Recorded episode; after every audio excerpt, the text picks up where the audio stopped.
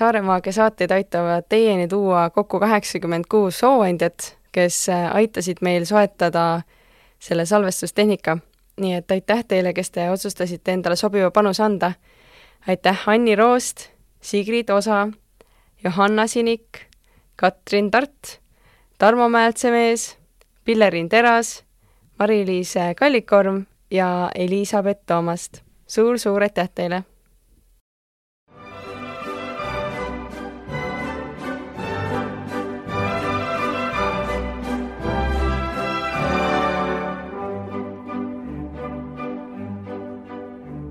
Tere tulemast! see on Saaremaagia podcast, kus me räägime saarlastega kõigest, mis on siis Saaremaaga seotud läbi nende enda lugude ja nende vaatenurkade. loodame, et saame koos nendega avada Saaremaagia olemust. selle saate külaliseks on Merilin Merliia Nõu, kes äh, rääkis meile selles saates muusikast ja vibratsioonidest. rääkisime ka lastest, laste kasvatamisest ja Merliia ongi ise kasvanud üles muusikute perekonnas, läbi lõhki muusikast äh, tulnud nii-öelda, õppinud äh, koorijuhtimist, äh, klaverit, igatpidi muusikaga seotud, ka praegu teevad ansamblit Tare. ja, ja ta on ka endale, nii-öelda enda jaoks alguses õppinud teraapiaid, aga nüüd on ka hakanud neid pakkuma teistele.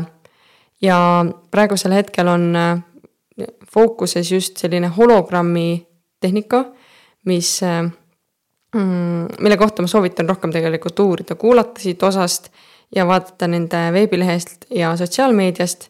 ja me rääkisime ka sellest, kuidas äh, selle hologrammtehnikaga minnaksegi äh, nendesse no, alateadvuse kihtidesse. Ja alateadvus on tekkinud esimese viie või seitsme eluaasta jooksul just seal alguses ja kuidas need äh, asjad, mis sealt on meisse sisse tulnud, kannavad meid siis terve elu jooksul.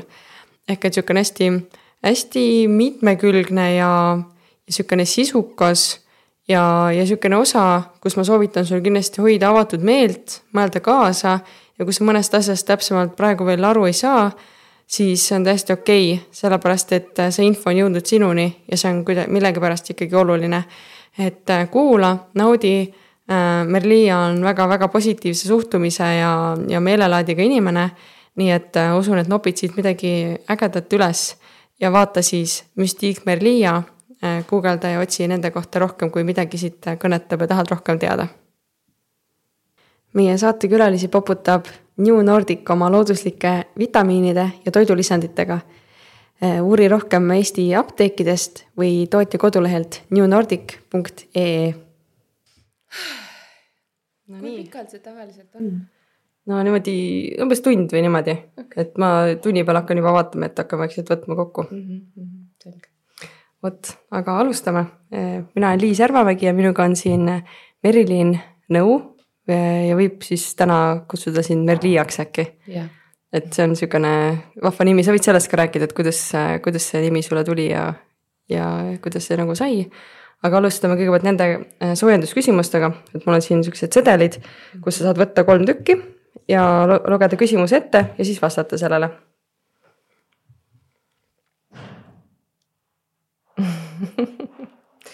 äh, kas sa oled pigem kassi või koera inimene? ma olen tegelikult mõlema inimene, et äh, praegu kodus on meil koer ja hiljuti oli kaks kassi, mõlemad äh, läksid ära, kusjuures äh, kass äh, Kitty läks meil nüüd hiljuti just augustis ja, ja väga-väga huvitavalt, et, et ta nagu, kõik oli korras, siis ta tahtis õue minna. ja siis äh, äh, nagu abikaasa läks korraks midagi õue, õuest võtma, mingisuguseid taimi toidu sisse. ja siis ta vaatas, et kass on külili maas mm ja juba olid silmad sellised äh, nagu noh, klaasistunud ja tõime ta tuppa, kogunesime kogu perega tema ümber. ja siis äh, laulsime, ta oli veel selles mõttes pehme ja, ja veel soe.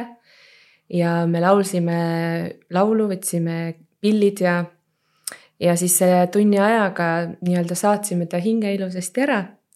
ja ta äh, jah, see oli nagu väga selline nutsime seal ja laulsime samal ajal ja, aga väga ilus ja pehme äraminek oli, nii et, et äh, noh, kohe teadlikult äh, hoidsime ruumi talle, et ta saab minna nagu teise dimensiooni mm. -hmm. nii et äh, selles suhtes ma olen väga kassiinimene, et mulle kassid väga meeldivad.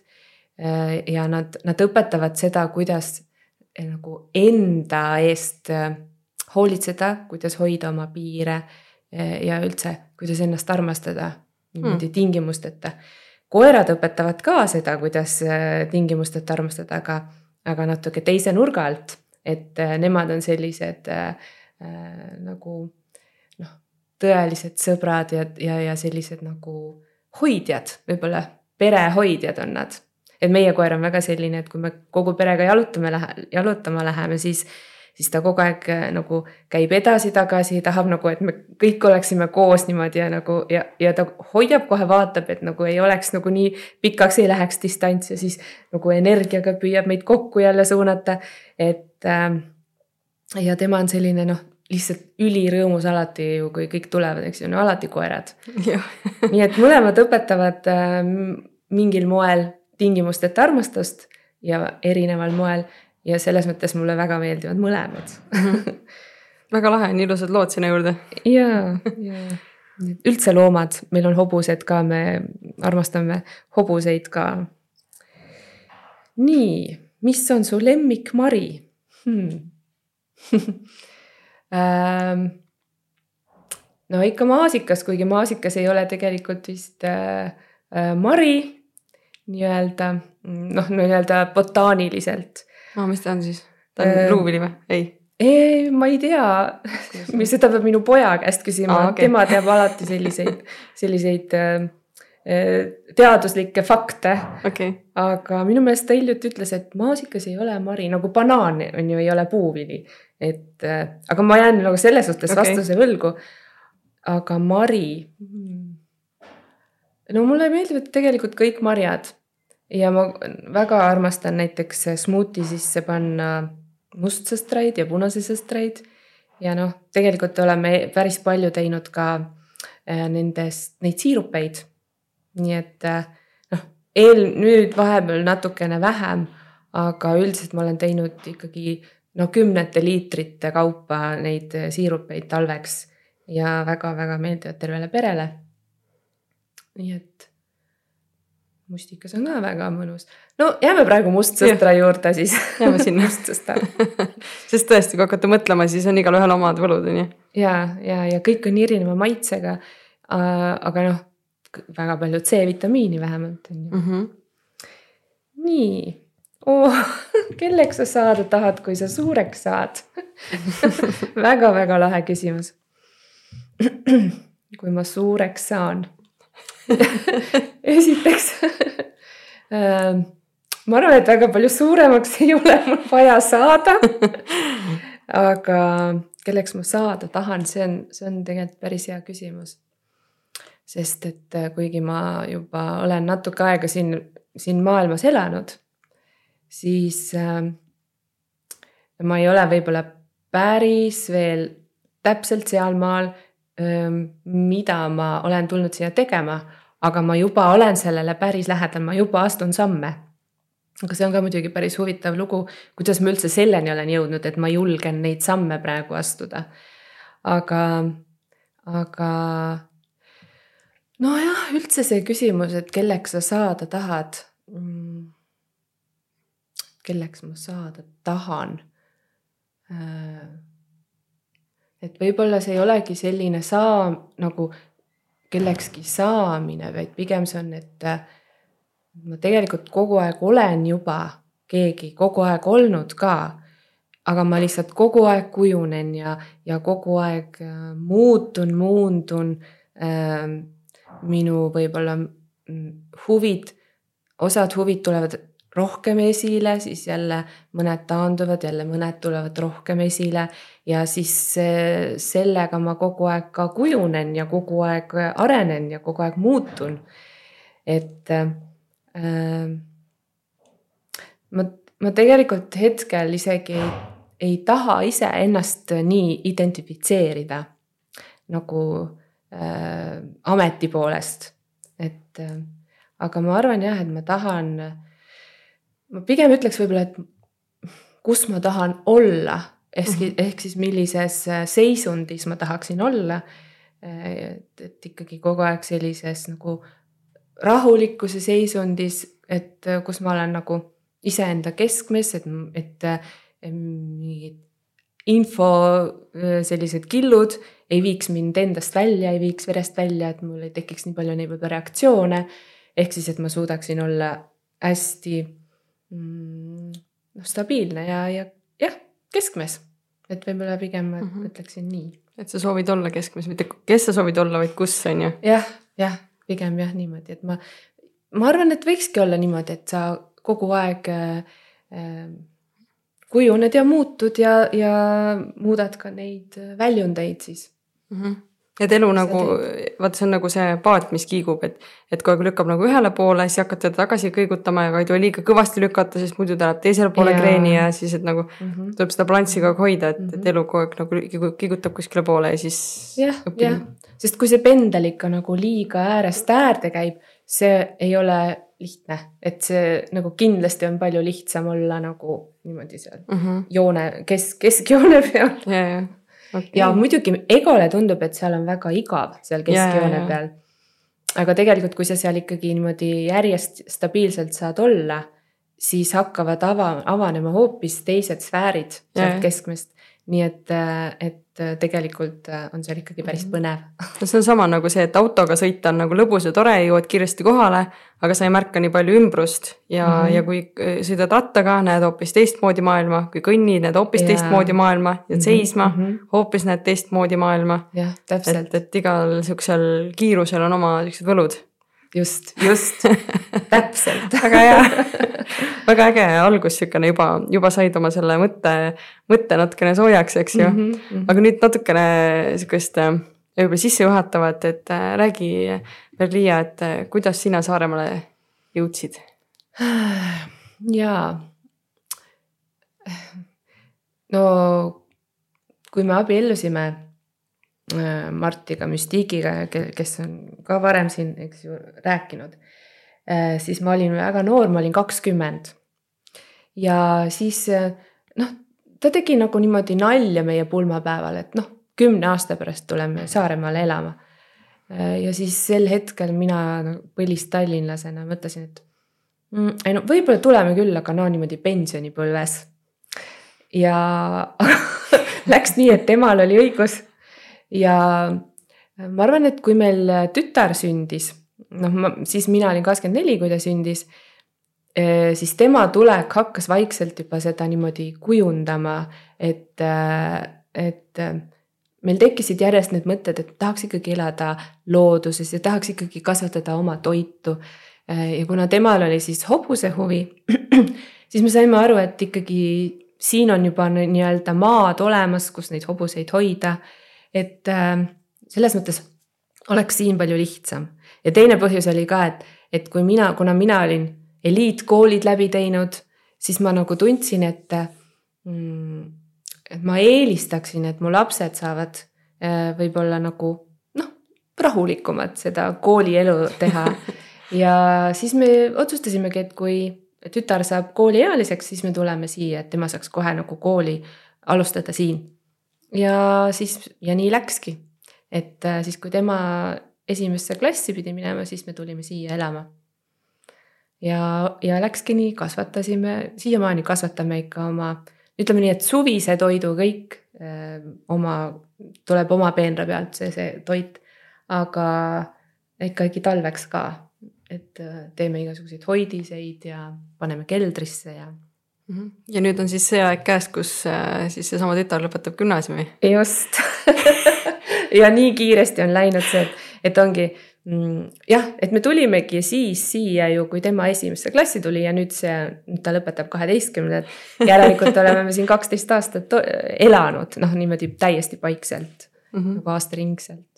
kuidas siis, äh, kas siis Saaremaaga nagu kohanemine oli sinu jaoks lihtne või oli ikkagi nagu Tallinnast siia tulla ikkagi keeruline ka või kuidas, kuidas sa ise nagu ennast siin nii-öelda kohandasid? minu jaoks oli lihtne, et noh, muidugi oli väga hea see ka ju, et, et abikaasa on ju, on põlissaarlane ja ja kuigi see, neid jutte on nagu räägiti ennem päris palju, et oi, et ikka, kuidas see saare rahvas omaks võtab. Siis mina tundsin, et võttis väga ilusasti omaks ja ma arvan, et seal ongi nii, et, et sõltub selline, sellest, milline sa ise oled. kui kerge sind on omaks võtta, kui sa oled ise selline avatud ja, ja sõbralik ja, ja väga suhtlemisaldis, siis mingi hetk noh, ma arvan, et nad, nad ei mõtle selle peale, et kuule, sa ei ole tegelikult äh, siit pärit. Et äh, ma ise juba küll tunnen nagu, et ja kui kuskil mandril küsitakse, et kust sa oled, siis ma ikkagi nüüd ütlen juba, et ma olen Saaremaalt, sest ma, nii ma tunnen. et võib-olla mingi vahepeal oli korra mingi identiteedikriis, et, et kus minu juured siis on, et nagu, nagu Tallinnaga ei tunne ka nagu enam, noh, nii kui Tallinnasse lähed, ei tunne enam nagu kodu tuled siia, siis mõtled, et, et ma ei ole ju siit pärit. Aga siis ma saingi aru, et tegelikult see minu need tunded ei olnud seotud üldse mitte noh, saarlastega, vaid minu enda mingid sise siuksed heitlused. ja kui ma siis tegin otsuse, et, et mina nii-öelda panen siis oma nii-öelda selle noh, nagu postamendi maha siia Saaremaale siis äh, kohe need kõik need äh, kriisid kadusid ära, nii et äh, ma tegin lihtsalt ise selle otsuse, et, et ma olen nüüd Saaremaal mm, -hmm. olen Saaremaalt see on väga äge, enda seest teed otsuse ära ja siis on nagu asjad nagu lähevad hoopis, pilt läheb selgemaks tegelikult. ja, ja nii et ja noh, eriti algusaastatel, kui ma ju noh, tegin siin igal pool tööd ja olime koorides, rahvatantsudes, osalesime nii-öelda kogukonna elus hästi aktiivselt. siis noh, siis oli, oligi, mul ei olnud nagu mingit küsimust. jah, siis, siis sa nagu saad ju inimestega tuttavaks ka ja, ja., ja see ongi kõige tähtsam, et ei loe see nagu, kus, kus on nii-öelda noh kus sa nagu füüsiliselt oled, vaid kellega sa nagu läbi käid ja see mm. tekitab hea tunde, et sa oled nagu mm. turvalises hoitud kohas, et sa tead nagu inimesi või inimesed teavad sind ja, ja, ja nagu oled nagu tuttav nägu mm. -hmm. ja ongi. no kuidas sa muusikaga siis äh, seotuks said, et äh, räägime alguses muusikast. Et kas sa väiksena mängisid pilli ka ja, ja mm, -hmm. ja kus, mis sinu seos üldse nagu niisugune muusikaga on? no minu vanemad on juba muusikud, mõlemad vanemad on lõpetanud akadeemia või noh, siis nende ajal oli see konservatoorium. ja, ja ma hakkasin ise kuueaastaselt õppima klaverit ja läksin siis hiljem muusikakooli. ja see tundus nagu nii loogiline, et ma kas-, põhimõtteliselt ma kasvasin klassikalises muusika nagu keskkonnas üles, sest äh, ema ju juhtis mul koore, siis ma osalesin tema nendes koorides. ja no kuidagi siis tekkiski selline nagu ähm, loogiline jätk, et, et ma läksin Otsa kooli õppima. alguses ma pidin klaverit minema õppima, aga siis ma seal viimasel hetkel otsustasin, ma lähen ikkagi koorijuhtimist, et et kuna seal see seltskond tundus palju ja palju põnevam mm. -hmm. et no teismelisena sa teed ju neid otsuseid äh, niimoodi huvitavalt aga tegelikult äh, oli väga tore äh,. sealt ma jätkasin, läksin akadeemiasse, õppisin seal koorijuhtimist ja orkestri dirigeerimist ja, ja ma kogu aeg võtsin klaverit ka nagu põhjalikumalt, äh, sest et mulle endale väga-väga istus klaverimäng. ja siis ma ja siis äh, sündiski peale akadeemiat sündis kohe tütar ja siis tulid mõned aastad äh, sellised vahele, kus ma, mul tekkis muusika, klassikalise muusikaga noh, täiesti selline plokk kuidagi üldse ei tahtnud nagu seda kuulata, sellega üldse tegemist teha. aga mingi aasta läks mööda ja see noh, nagu ilusti rahunes maha ja tuli nagu see hoog tagasi. nii et kogu aeg ma olen tegelikult mingeid koore teinud, juhtinud.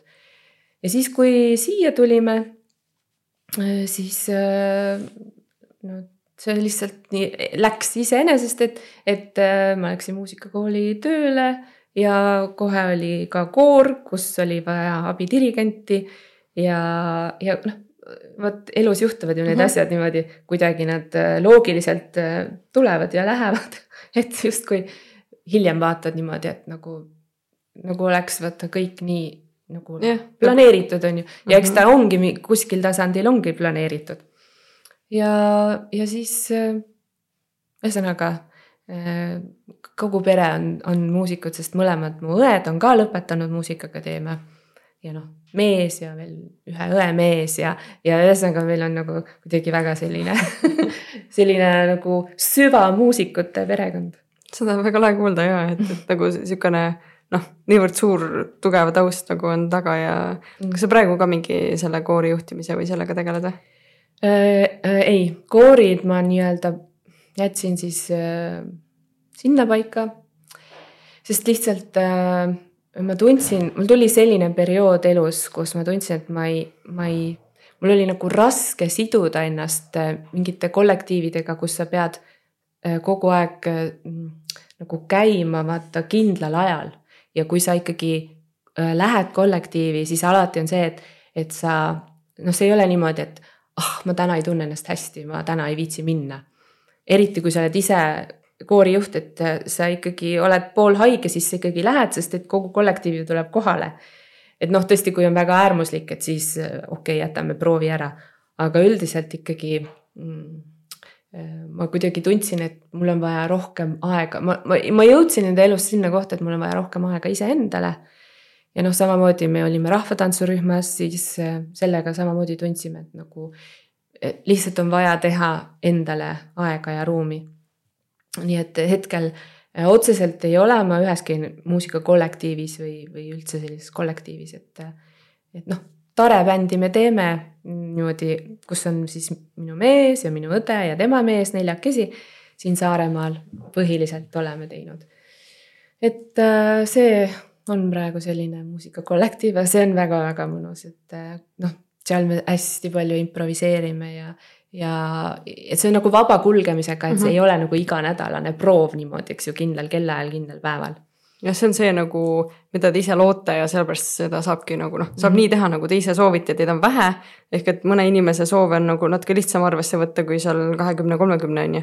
just et... ja, ja see on palju, palju lihtsam ja võib-olla lihtsalt see aeg sai minu jaoks nii-öelda noh, läbi, see lihtsalt sai tehtud. Just, ja nii ongi tegelikult täpselt, et mingid asjad kasvatavad meid, valmistavad meid selleks, kes me täna oleme, ehk et siis, kui sa hakkad selleks suureks saama, siis sa oled juba need sammud ära teinud on ju. ja just ongi aga mis äh, muusikat või kuidas te, kuidas te kirjeldaksite seda, mis muusikat siis Tare bänd äh, teeb? ja see, ähm, no seda ongi keeruline natuke kirjeldada, sest et äh, ta ei ole nagu otseselt mingi muusikastiil. et äh, noh, kui sa õpid klassikalist muusikat, siis äh, sa hästi palju õpidki erinevaid stiile, et kuidas mingeid stiile äh, väljendada. aga meil on selline täiesti mm, noh, ma ütlen, ma ei oska seda isegi ühte, ühessegi kategooriasse panna, sest et ta on väga improvisatsiooniline, et me, me pigem, me teeme helisid, me tunneme, tajume, kuidas hetkel mingi energia selles ruumis on ja kuidagi me kõik üldiselt lülitume sellesse energiasse. ja, ja siis igaüks nii-öelda äh, paneb midagi omalt poolt siis nagu sellesse muusikalisse väljendusse, et, et mõnikord on niimoodi, et noh, kui muusikas on, eks ole mm, harmoonia, et mingid tuurid ja mollid seal niimoodi vahelduvad omavahel, siis mõnikord me, me isegi ei tee seda, meil on lihtsalt mingi üks põhi, mingi noot, ütleme, on ju. et noh, ise ütleme, et oh, teeme nüüd on F-tuur näiteks ja me kulgemegi ainult selle ühe tonaalsuse peal Mm -hmm. ja, ja teeme just hästi palju erinevaid helisid, ma ei tea, kosmilisi helisid ja, ja, ja siis natukene võib-olla ümiseme, laulame, et, et see on, see on täiesti kulgemine mm.. mõned, mõned asjad on meil ka niimoodi, et on äh, nagu konkreetsed siis nii-öelda äh,, kuidas ma siis ütlen äh,. Äh, noh, nagu järgnevused et on mingid tuurijärgnevused ja me teame, mis tuuri järgnevused on ja siis sinna peale igaüks teeb midagi, mis, mis tahab Mm -hmm. ja mõned asjad on ja meil on mõned ka mõned sõnad, mõned laulud on, et seesama näiteks, kui meil see kass nüüd äh, ära läks, siis meil äh, tekkis üks lugu. Äh, tõuseme üheskoos, lendame kõrgele, juured on sügaval, juured on maas, et ongi ainult nii palju sõnu ja, ja siis me nagu jah, siis me lihtsalt pigem on see nagu selline äh, nagu kulgemine, et kuskilt hakkad vaikselt pihta ja, ja jõuad kulminatsiooni ja siis vaikselt nagu tagasi, et. et äh, jah, me loome nagu võib-olla selliseid helimaastikke lihtsalt niimoodi mm. -hmm. ja ongi, et sõnu võimalikult vähe mm. -hmm. aga see on päris äge ja, et äh, oh, mul tuli, tuli mingisugune äge pilt praegu täiesti silme ette, kuidas ähm,, kuidas te nagu loote neid ja siis mul äh, klikkis ka see ära, et tegelikult selleks, et improviseerida, selleks peab olema ju, selleks sa pead enne teadma kõvasti teooriat. et mm -hmm. ma olen seda nagu märganud, et selleks, et väga häid raamatuid kirjutada, sa pead väga hästi teadma tähti, väga hästi teadma sõnu mm. -hmm. et nagu need reeglid peavad paigas olema ja siis sa võid improviseerida, eks ju mm. -hmm. et ma arvan, et sihukese hea muusika, tugeva muusika baasi pealt ongi hea minna hakata improviseerima, sest et et kui ma väga midagi ei oska, siis ei tule sellest improvisatsioonist ka midagi välja, eks ju mm -hmm., et noh, neid samu järgnevusi tuleb teada, mingisuguseid noh, mis nagu nii-öelda töötavad mm. -hmm, just et see on äge, äge, et te lasete muusikal nagu niimoodi läbi enda kuidagi niimoodi valmida. ja, ja see muusika ongi äh, pigem võib-olla ütleks niimoodi, et minimalistlik. et äh, noh, et me ei tee siin mingeid suuri selliseid dünaamilisi arendusi, äh, vaid pigem ongi mõnikord see on see osadele süvamuusika tegijatele tundub see nagu väga liiga lihtne, et see on liiga lihtne.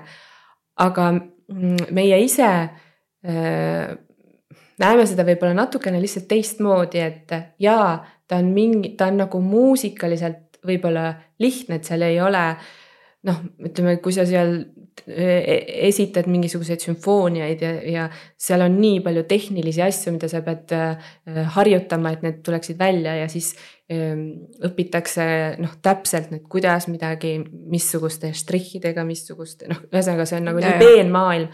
et meie võib-olla tõesti kordamegi ühte mingit lõiku. ja me ükskord pidime esinema ühe sellise kontingendi ees, kus oli hästi palju klassikalise muusika taustaga inimesi ja me ise natukene enne mõtlesime, et et nagu, et ei tea, mis, mis nad siis või noh, et kuidas see mõjub ja mõned tulid pärast ütlema, et noh, et jaa, et oligi huvitav, et nagu noh, vaatad, et mitte midagi seal ei ole ju kuulata ja kogu aeg kordab ja kogu aeg kordab ja kogu aeg kordab ja. aga siis vaatad, et, et on nagu olen meele väl-, meel on nagu ennast välja lülitanud ja siis hakkavad tulema pinnale mingisugused asjad seal noh, kas oma mingi vanematega või, või ühesõnaga mingid psühholoogilised asjad hakkad, aga see ongi tegelikult meie eesmärk, et meie muusika eesmärk on äh, nagu, et ta, et ta oleks nagu mingil määral selline nagu vaimne rännak, äh, kus sa saadki vaadata iseenda sisse mm, -hmm. et see ongi nagu meie eesmärk tegelikult. see on nagu see nagu meditatsioon on ka, et kui sa lihtsalt istud vaikuses, siis ajul hakkab nii igav mm. -hmm. ta mõtleb need igapäevamõtted ära ja siis hakkab nagu aa, ja siis saab kuskile nagu sügavamale minna, vot see on samamoodi, et kuuled ja kuuled ühte ja sama on igav on juba mm -hmm, nagu -hmm. sul ei ole enam midagi uut ja erutavat ja siis nagu hakkad hoopis endasse minema nagu. ja, ja noh, sama efekt. päris huvitav, jumala lahe, see ongi mm -hmm. nagu vist see põhi, põhi nagu eesmärk tegelikult seal, et nagu less is more. Jah, jah, jah, ma ütleks ka no, ja ma arvan, et see on ka näiteks Arvo Pärdi saladus, miks teda nii palju kuulatakse, et. et äh, seal on, seal on nii sügav äh, sisu aga ütleme nii, et väljendusvahendite rohkust ei ole, eks ju, et noh, võib-olla päris nii ka ei saa öelda, et need, see on lihtsalt, see on nii teise koha peal kuidagi, et et ma arvan, see on see ka, mis selle muusika juures inimesi nii võlub, et, et, et sa lähed lihtsalt järjest sügavamale iseendasse, kui sa seda kuulad mm. -hmm ja kuidas, kuidas sa praegu ennast siis äh, tänasel päeval nimetad, et äh, kui sa enam nii-öelda enam koorijuht ei ole, ei ole see ja teine, siis mis, mis sa üldse täna, mis sa nagu igapäevaselt äh, teed? no praegult ma ütlekski võib-olla, et ma olen nagu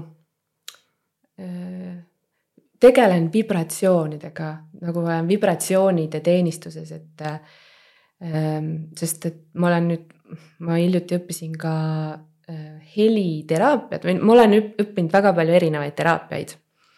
aga siis heliteraapia oli selles suhtes minu jaoks loogiline, et ma sain nagu kaks oma äh, huvi äh, nii-öelda suunda kokku panna. sest et ühest küljest, eks ju, see klassikaline muusika, aga teisest küljest siis äh, teraapiad, et kuidas äh, siis kogu see üldse inimpsühholoogia ja, ja üleüldse võib-olla nagu maailma nägemus, selline teist, teistsugune maailma nägemus võib-olla. ja siis heliteraapia paneb need selles suhtes kokku. aga, aga heliteraapia nagu ei tegele sellise äh, ütleme, võib-olla siis meelelise muusikaga, vaid seal ongi olulised pigem lihtsalt need helid ja, ja, ja just ülemhelid. et äh, selles suhtes ta, ta, ta nagu mõjub inimesele teistmoodi, et seal on äh, olulised just need sagedused ja vibratsioonid, et seal, seal ei pea palju tegema. ja teinekord ma olen ise vaadanud ka, et, et lihtsalt mängidki ühe noodi. ja, ja, ja sellest juba piisab. et või sa laulad, ütleme, sa teed ühe hääle lihtsalt. Ja juba ta hakkab juba midagi tegema, juba hakkab midagi toimetama. et äh, et selles suhtes jah, ma olen nagu eh, võib-olla ise nii palju muutunud, et, et kogu aeg nagu pigem sü-, süvitsi ja sügavustesse nagu äh,, nagu niimoodi punkti sinna keskpunkti poole siis niimoodi ütleme.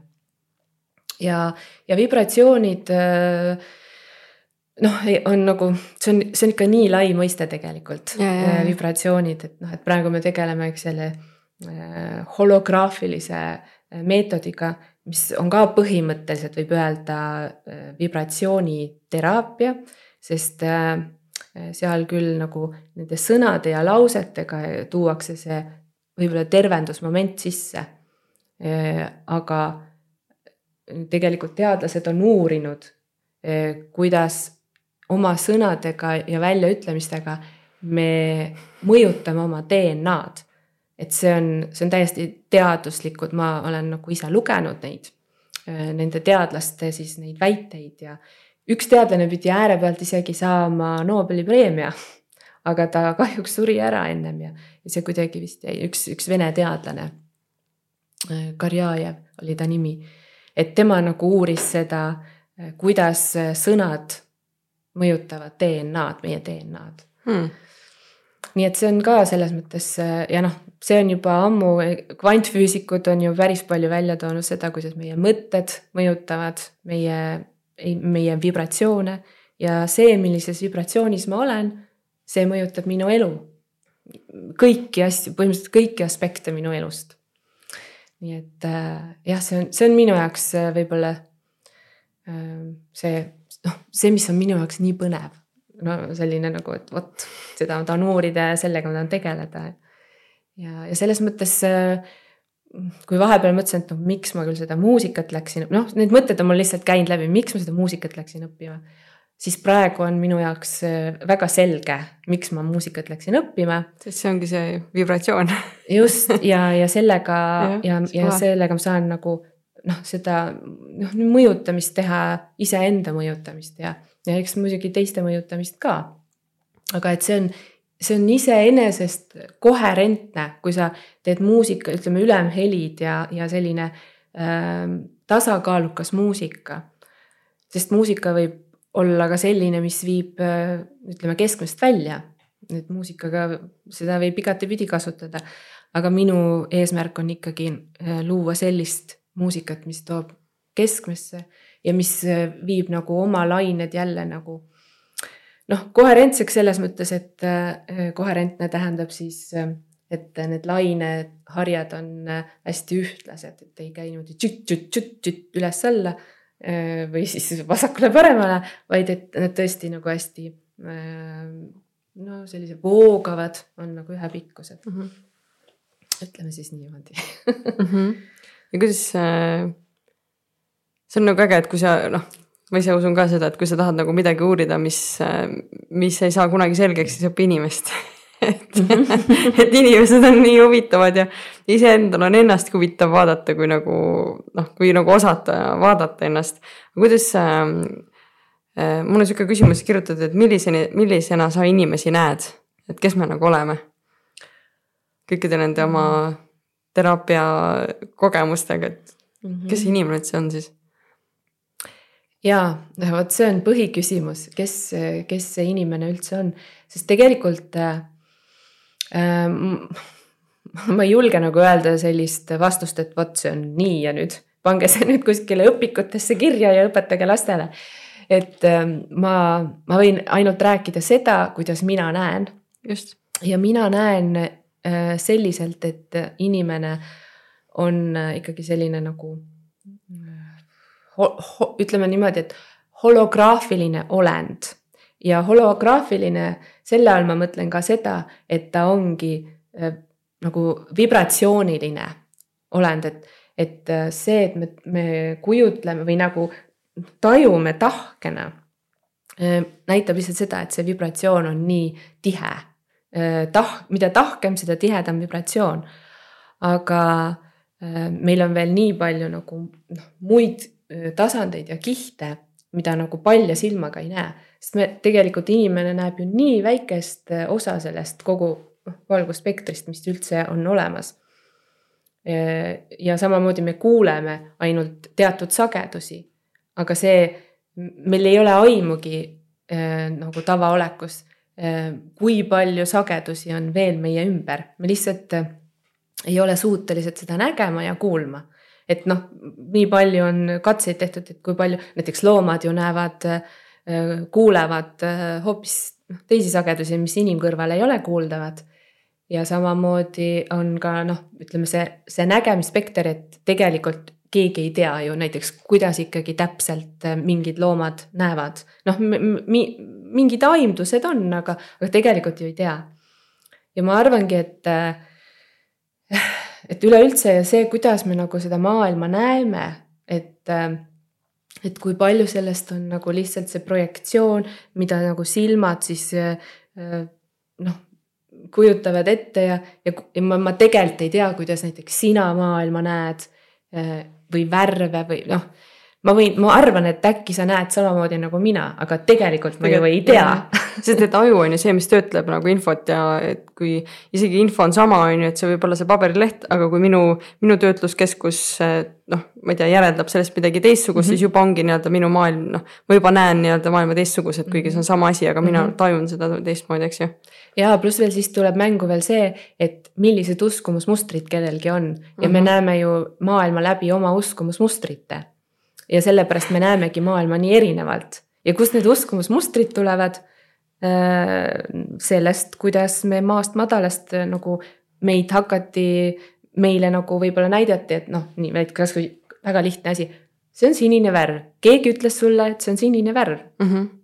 või siis, et vot see on nüüd aken ja, ja noh, niimoodi me tegelikult lapsena hakkame, oleme järjest hakanud oma maailma kujutlema, aga siis tulevad sinna mängu hoopis veel sellised äh, uskumusmustrid, mis on, mis ei ole võib-olla konkreetsed asjad, aga mis on mõttekujundid, et mm -hmm. vot eh, see asi on nii.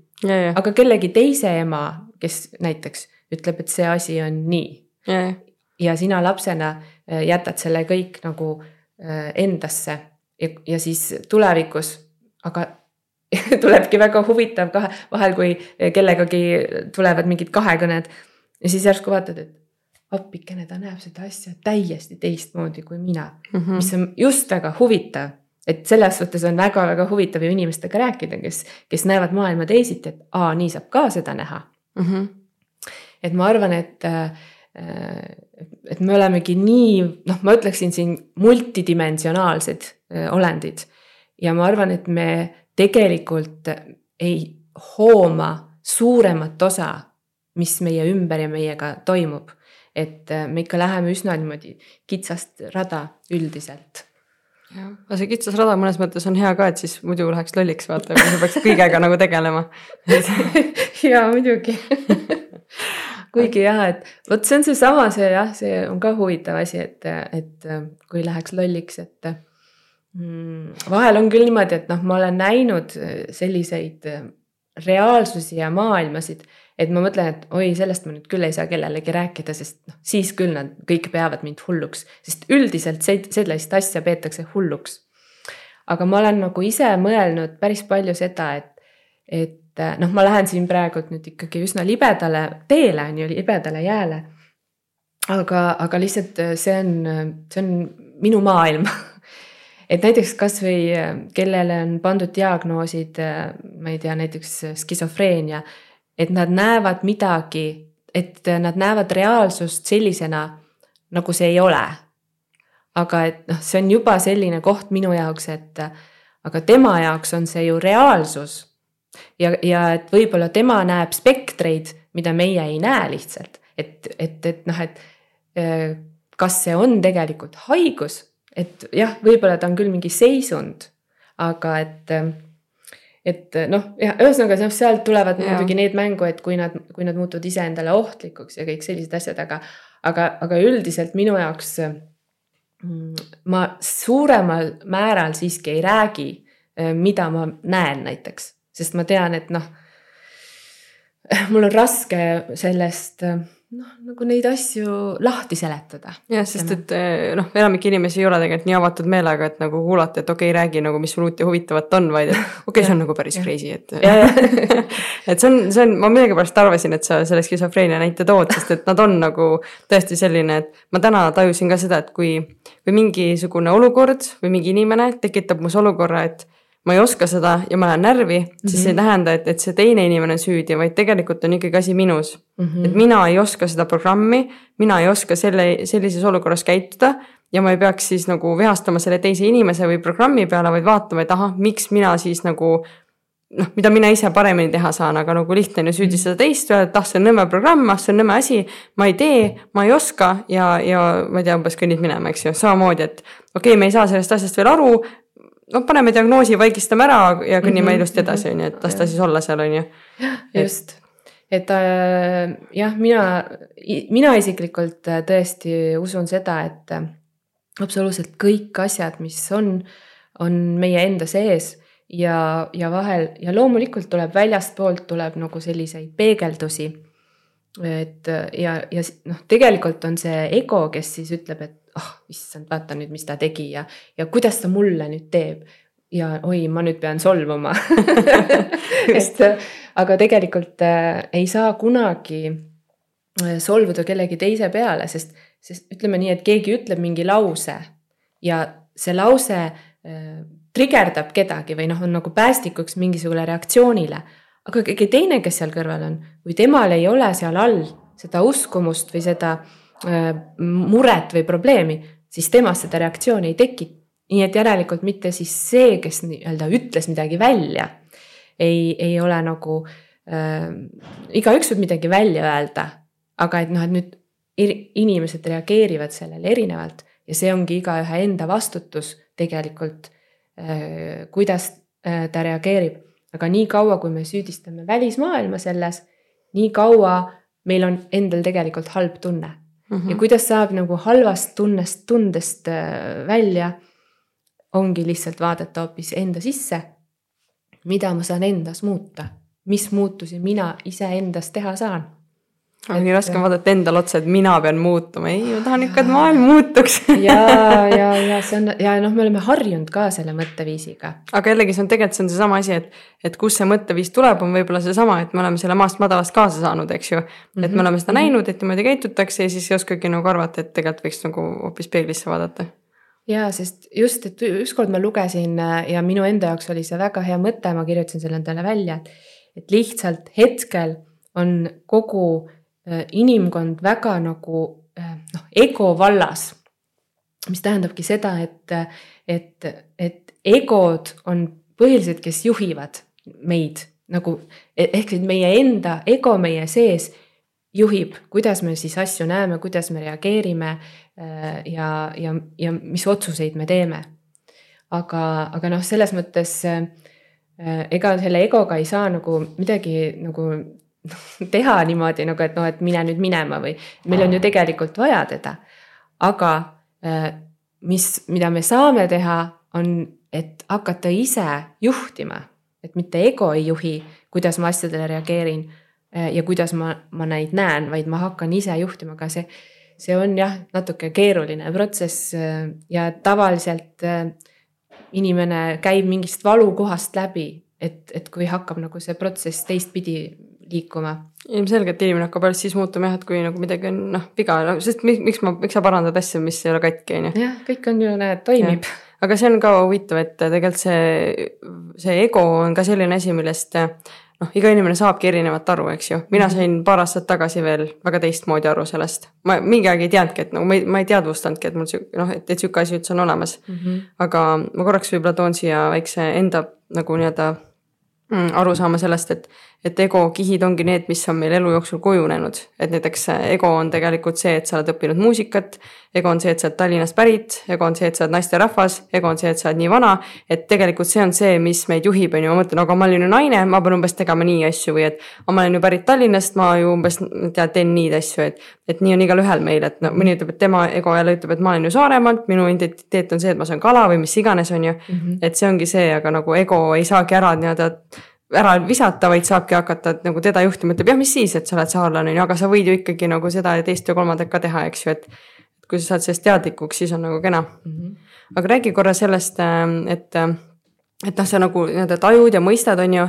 aga kui sa oled nüüd nagu neid teraapiaid õppinud, siis äh, kas sa nii-öelda, kas sa praktiseerid või nagu pakud ka teistele mingeid teraapiavorme ja kuidas, kuidas siis nagu kuidas sa nagu seda teadmist nagu siis teistele inimestele nagu läbi selle teraapia nagu siis edasi viid või -hmm. natukene sellest praktilisest äh, ka?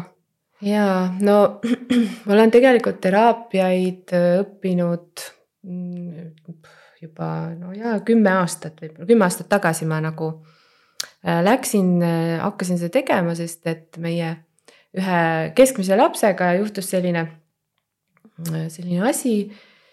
noh, ma ei hakka väga pikalt sellesse süübima, aga noh ta oli kolm päeva koomas ja me ei teadnud täpselt, mis, noh, kuidas ta sellest välja tuleb ja kas ta üldse välja tuleb ja, ja mis täpselt saab.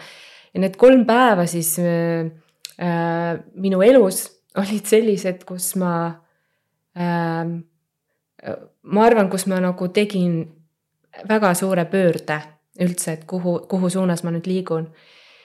ja no Äh, nendel kolmel päeval, mis oli huvitav, oli see, et ma ei ole nii keskmes mitte kunagi vist olnud ja nagu nii fookust äh, hoidev, et, äh, et millist tulemust ma soovin. et, et nagu, mis nüüd peab juhtuma. ja et, et ma ei lase mitte, mitte millisekunditki tulla endale sel-, seda tunnet, et issand, mis nüüd saab. ja need kolm päeva olid noh no ühesõnaga, ma olin jah, tõesti nagu justkui täiesti teises olekus, samas olin ma täpselt mina, mina ise. nii et äh, kõik läks väga hästi, ta tuli koomast välja, ei olnud mingisuguseid aju äh, neid. Noh, midagi ei juhtunud, ühesõnaga, et ta oli täpselt nagu ta ikka on alati olnud, et väga hästi läks, aga pärast seda ma nagu tõsiselt hakkasin mõtlema, et mida ma tegelikult siin elus teha tahan. ja et kuigi mul ju see õpetamine lastele, muusika õpetamine tuleb hästi välja. ma nagu tajusin, aga et see ei ole tegelikult see, milleks ma olen siia tulnud. ja ma väga ise olin kogu aeg ju tundnud äh, psühholoogia vastu väga suurt huvi. ja siis ma hakkasingi järjest äh, erinevaid teraapiaid õppima ka sellepärast, et ennast aidata esi-, noh, nagu ikkagi sellisest äh, traumaatilisest nagu kogemusest ennast välja aidata. aga noh, kui sul juba on tööriistad äh, käes, et siis loomulikult tundub loogiline ka teisi aidata. ja ma olen ise ennast päris palju nende erinevate teraapiatega aidanud, ma olen õppinud näiteks seda holistilist äh, teraapiat, kus viiakse inimene nagu muutunud teaduse seisundis sellisele sisemisele rännakule ja heliteraapiat. aga praegu nüüd viimane aasta me oleme Marti Müstikiga koos õppinud sellist nagu holograafiline, sellist holograafilist meetodit.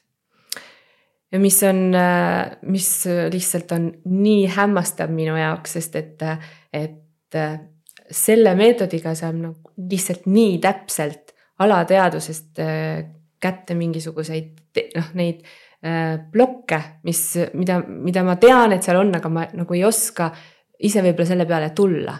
et mis asjad seal täpselt on. et ma olen enne ju, ma, seda ma olen ammu teadnud, et eh, alateadvuses on nagu kõik need asjad nii-öelda siis ma ei saa, tuleb ingliskeelne sõna praegu, aga et see on nagu selline nagu varakamber, ütleme siis alateadvust, kust kõik need asjad on peidus. aga mõnikord on niimoodi, et mõne teemaga no ma lihtsalt ei, ei ole saanud jagu, et mis asi seal üldse siis ees on, et, et miks mul nagu mingi valdkond noh, nagu ei, ei liigu, ei lähe sinna suuna, kus ma tahan. ja siis selle meetodiga nüüd see, see on nii huvitav, et see testimine on, on, see on nagu väga lihtne, sest et see käib kõik lihastestimisega närvisüsteemi kaudu. ja, ja see meie õpetaja on loonud sellised kaardid, sa liigud nagu, nagu mingisuguses menüüs ja, ja leiabki ülesse siis need asjad, mis, mis on need probleemkohad. et kui ma ise läksin selle õpetaja juurde eelmine kevad et ma läksingi selle teemaga, et äh, ma tundsin, et äh, ma, ma soovin alustada täiesti uut teed oma elus ja et ma ei soovi enam tegeleda nagu selle, mm, sellega, mis ma siiani tegelesin. ja et, ja ma, sest ma teadsin, et mul on midagi vaja teha ja et, et minu mingi hingekutse või nagu noh, et, et, et süda nagu juhib kuskile, aga ma ei saanud aru, kuhu ta juhib ja ma ei saanud ka aru, mis, miks ma ei suuda seda alustada ja väga huvitav oli, mis me siis temaga jõudsime äh, minu sünnihetke. kolm, kolm äh, seanssi me nagu läksime sünnihetke ja mina veel mõtlesin, et nagu jälle sünnihetk, et no nüüd sai ju see puhastatud ja mis seal siis veel ikka on. aga tulidki nagu erinevad kihid ja erinevad tasandid, et, et see sünnikogemus oli nii traumaatiline ja siis, et vaat vana, sel ajal ju võeti lapsed veel emade juurest ära ja võib-olla ei saanud mitu päeva, ei saanud äh, rinnapiima. ja kõik need asjad, et äh, noh, tol ajal ei osatud isegi noh, midagi arvatagi sellest. aga praegu on näha, kui palju on inimestel just sealt tulnud neid äh, tõrkeid nagu, et kuidas see mõjutab kogu elu, kõiki otsuseid, mis ma teen nagu elus. ja minul on kogu aeg olnud see nagu kuskil taga selline tunne, et, et mind ei võeta omaks või et ma või et minu looming ei ole piisavalt väärtuslik ja, ja issand jumal, mis teised minust arvavad ja nagu see, see asi on mhm. mind hästi palju trigerdanud ja samal ajal nii palju piiranud. ja nüüd selle meetodiga mm, mul õnnestus siis näha ära, kus kohas alateadvuses, millised täpsed sellised öö, tundmused mul on või nüüd ma saan öelda juba olid. ja, ja väga huvitav oli see, et Äh, nüüd ütleme noh, sügisel ma, ma veel tegin päris palju seansse. ja nüüd alles tegelikult siis talvel ma julgesin lõpuks tõsiselt alustadagi seda, mida ma olen tulnud tegema siia. et enne kevad ma tegin selle otsuse, et ma lõpetan selle eelmise asja ära. ja ma ei olnud julgenud seda teha võib-olla viis aastat umbes oli mul, oli see mõte juba olnud, kolleegid teavad väga hästi, ma olin viis aastat rääkinud seda mm. -hmm. ja siis ma lõpuks äh, peale seda äh, sünnihetke puhastamist julgesin teha selle otsuse, et ma saan hakkama. Äh, ja, ja kuigi algus oli selline nagu, kas ma ikka saan hakkama ja kuidas ma ikkagi nüüd ikkagi oma elujärjega siis toime tulen, sest noh arved on ju vaja maksta, et, et ma võin ju mõelda küll igasuguseid ilusaid asju kokku, aga siis tuleb see hetk, et, et sa, sa ikkagi oled siin 3D-s ja pead siin 3D-s ka on ju ikkagi toimetama. ja, ja nüüdseks siis äh, kevade, kevad, noh, ütleme nüüd kevad on praegu käes, eks ju. et nüüd ma esimest korda tegelikult julgesin tulla välja äh, ja sellise heli äh,, noh, kuidas ma ütlen siis salvestusega, mis äh,, mida mis on tõesti minu, minule hingelähedane endale teha ja mis on, kus ma teen nagu oma häält ja ma mängin pilli ja, ja ma teen valguskeelt häälega. et see on üks asi, et ma nagu nüüd lõpuks julgen äh, tulla näoga välja, et aga et see on minu, lihtsalt see on minu loomupärane olek nagu, sest varem oli nagu, issand, mis inimesed sellest valguskeelest arvavad ja, ja, ja noh, see takistas mind nii palju ja nüüd ma puhastasin ära selle, et see, mis teised arvavad, ei ole nii oluline. et lõppude lõpuks minu jaoks on oluline, et kuidas ma ise ennast tunnen. ja et ja on inimesi, kellele noh, põhimõtteliselt see valguskeel on nii-öelda valguskoodide allalaadimine. et kes seda iganes kuulab, võtab vastu neid kõrge sagedusega koode. Ja siis need hakkavad kehas toimetama või, või väljas meeles nii et, äh, et, äh, et ma tulin nüüd esimese asjaga välja ja nüüd mul on endal selline tunne, et noh, sest et see looming on ju pakitsenud sees äh, nii kaua juba. et see on nagu seesama efekt, et rannapalli efekt, et kui sa üritad seda seal vee all hoida, sa pead nii palju vaeva nägema, et hoida kinni seda seal all. et aga ta, kui ta ükskord siis vupsab, on ju, et siis, et praegu ma tunnen, et oo, looming tahab minust välja tulla, et mul on vaja lihtsalt järjest seda niimoodi siis äh, tegema hakata ja salvestada. nii et jah, see meetod on aidanud mind ennast noh, ikka väga palju praegu. ja vaata, kuule, et see alateadvus on see, mis seda palli seal all hoiab, on ju, ja sa ei teagi, et sa tegelikult ise hoiad tegelikult seda seal mm -hmm. ja, mhm. ja päris, päris hull hea, sest et äh, sellest on väga kahju nagu kuulda, et jah, et tõesti, meil kõigil on see tegelikult, et me oleme millekski mõeldud, aga me oleme see 3D poolt nii ära mm -hmm. mätsitud nagu, et. Äh, et ja, ja tegelikult on see nagu niivõrd paradoks ka minu meelest, et et kui igaüks hakkaks tegema seda, mida ta tegelikult on mõeldud tegema, siis läheksid need asjad nagu paika ja siis tegelikult jõuaks see nii-öelda ka reward system nagu järgi, et siis mm -hmm. sa mhm. elaksidki sellega ära, sest et see.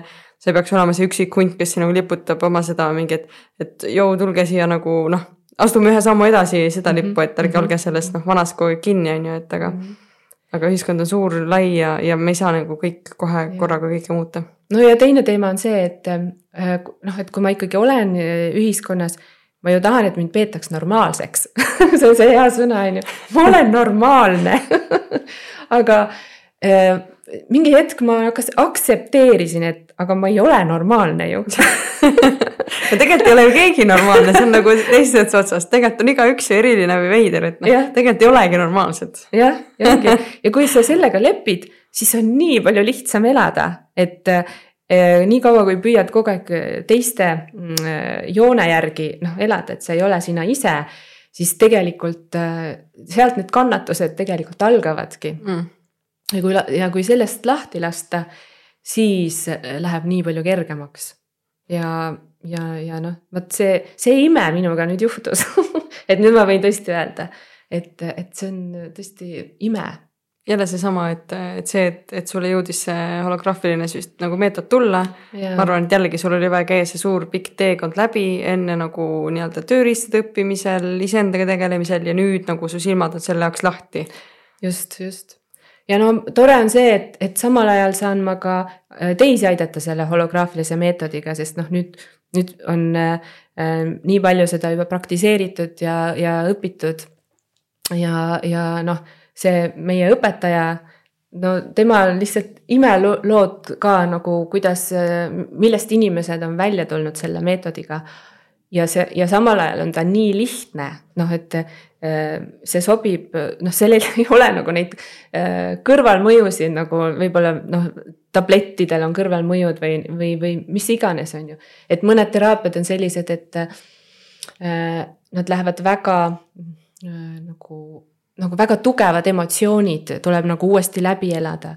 et äh, sellega on kuidagi niimoodi, et, et sa teadvustad seda hetke võib-olla, aga sa noh, vahel tulevad emotsioonid ikka ka ülesse, et see on loomulik, kui on vaja mingit äh, noh, et kui sa vaatad äh, üle mingeid asju, et kui sa näed ju, kustkohast need uskumused on tulnud, eks ju. aga, aga ta ei, ta ei mõju nii raskelt võib-olla, et nagu mõned noh, ma ise ju olen teraapia, erinevaid teraapiameetodeid teinud et see nagu ähm, pärast võib küll olla niimoodi, et ma olen väsinud, et ma tahan magama minna või noh, midagi sellist, aga, aga ta ei ole nagu, ta pigem teeb nagu ikkagi kergemaks olemise. ja samal ajal ma kindlasti ei, ei, ei ütle, et umbes, et kui sa seda meetodit nüüd teed, et, et siis kunagi enam arsti juurde ei pea minema või midagi, et vast me nagu üldse ei vastanda ennast meditsiinile, sest mina olen ise nii palju meditsiinist abi saanud et, et ma ei ütle ka seda, et oh, mitte kunagi ma ei ütle kellelegi, ära seda rohtu võta. kui ikkagi arst on kirjutanud selle rohu, siis noh, sa ainult sina ise saad otsustada, kas, kas ma võtan seda või ma ei võta seda. just, sest see on jällegi sinu iga inimese enda teekond, eks ju, et võib-olla tal ongi vaja õppida lihtsalt otsustama mm -hmm. ja ennast kuulama ja olema ja et see on pigem, see on Jah. nagu lisatoetus ja, ja Jah. see on just see, et, et me saame vaadata, kust need asjad on alguse saanud, millega meditsiin väga ei tegele mm. Mhm. -hmm. aga et võib-olla seal kõrval on vaja meditsiini, eks Mhm. ju, et no see meetod on päris huvitav jah, et me just eile tegime ka sinuga selle läbi ja, ja tõesti nagu kuidagi hästi loogiline ja, ja nagu kerge ja nagu päris nagu headesse kohtadesse juhendas see ja ja nagu väga-väga huvitav, et mina tõesti ei mäleta ju, eks ju, neid enne viit mm. -hmm. eluaastat neid asju ja aga nagu kui, kui need mingid eh, olukorrad seal välja tulid enamasti siis isaga ja Mhm, emotsionaalselt mm, -hmm. Siis, siis ma mõtlen täitsa võimalik, et niimoodi on, täitsa võimalik, sest et nagu kui ma mõtlen oma isa peale, mõtlen oma vanaisa peale, siis jah, nagu need võivad olla küll nagu need mm -hmm.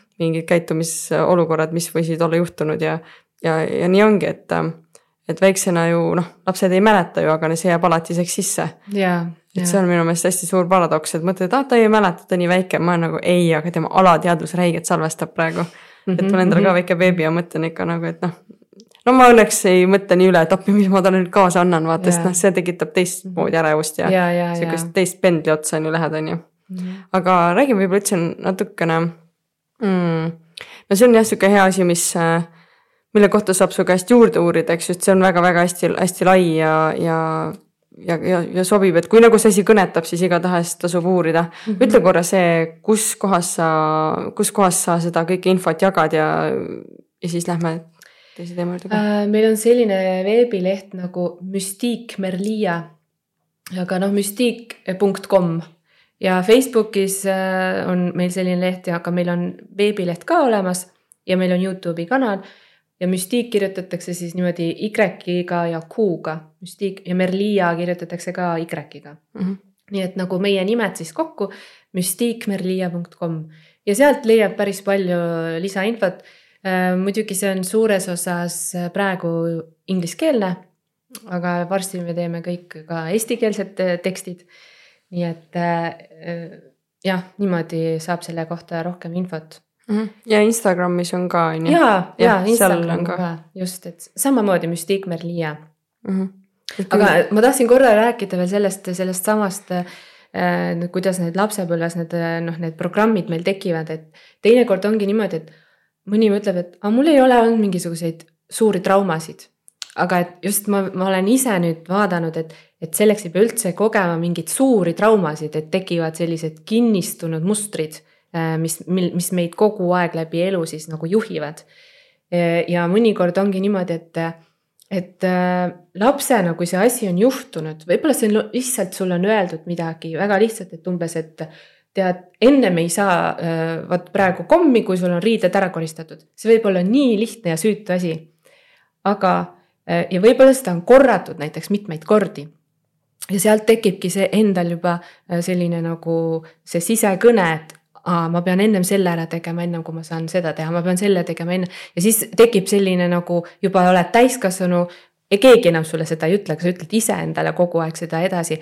nii, ma ei saa ennem, noh minul endal on seda olnud, et vot kõik peab korras olema, vot siis ma saan istuda maha, hakata kirjutama või, või lugema või midagi, aga siis juhtub see, et ma mitte kunagi ei jõua selleni, mida ma tegelikult teha tahan, sest mul on kogu aeg, kogu aeg tekib neid asju, mida ma pean ennem ära tegema. noh, näiteks see on üks väga lihtne muster. ja tavaliselt on nii, et ikkagi ema-isa on meie esimesed programmeerijad, kes meile neid asju sisse või noh, kes iganes meid kasvatavad kõige rohkem, kes, kellega me kõige lähemalt kokku puutume. aga see ei tähenda nüüd seda, et peaks kuidagi oh, mõtlema, et no kuidas nüüd niimoodi siis minu ema-isa tegid, eks ju. vaid see on, see ongi see, et ne-, see on nii loomulik ja loogiline äh, asjade seis, nendele on samamoodi neid asju öeldud. ja nad, ja nad alati tahavadki tegelikult, kõik vanemad tahavad parimat oma lastele. Aga see ongi see, et kuidas nende maailmanägemus on. et vot praegu nendele tundub, et see on parim või isegi noh, et ütleme nii, et mm, noh tänapäeval võib-olla väga palju füüsiliselt äh, nagu ei karistata lapsi, on ju, aga mingil hetkel oli see nii, et noh, see tundus kõikidele ühiskonnas äh, loomulik, et sa pead seda aeg-ajalt tegema, et sinu lapsest kasvaks normaalne inimene.